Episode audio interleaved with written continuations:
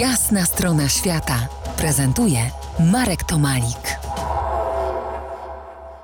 Gościem jasnej strony świata Krystian Bielatowicz, artysta, fotograf, filmowiec, archeolog. Behind the Mask, poza maską, czyli wyjście spod maski, to jeden z Twoich projektów, książka, gdzie fotografia łączy się z y, fizyką kwantową, do której teraz wracamy, tak? Tak, tak. E, to jest, to jest Behind the Mask, to jest taki projekt długoterminowy, który kończyłem co kilka lat, ale okazało się, że kontynuuję go. Zacząłem go w Peru, kiedy fotografowałem e, właśnie szamanów, kiedy miałem po raz pierwszy z tym styczność, kiedy Indianie na przykład potrafili powiedzieć mi o człowieku ze zdjęcia tak wiele, że nie miałem na to odpowiedzi. Potem w Meksyku kontynuowałem tę historię. Wciąż to były te pytania, jak to się dzieje, że pewni ludzie pewne rzeczy wiedzą, skąd się biorą pewne ustawienia na przykład.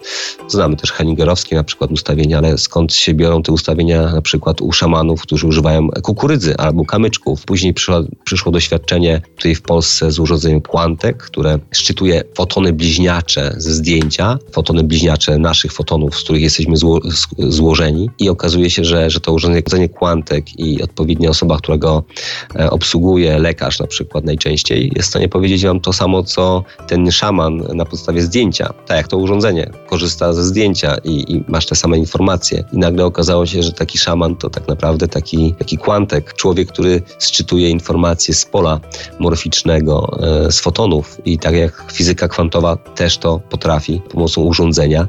To wszystko zaczęło się u mnie składać do, gdzieś tam w głowie do kupy tak zwanej, ale oprócz tego jeszcze doświadczenie e, związane z właśnie z tymi wszystkimi programami, maskami, które na nas się, do nas się przyczepiają, przyklejają przez całe dzieciństwo, dorosłe życie i te przekonania i to wszystko. I, i, i zacząłem się interesować tym, co się stanie, jeśli te maski, te programy, to wszystko spadnie z nas i, i co, co zostanie, kim my wtedy jesteśmy.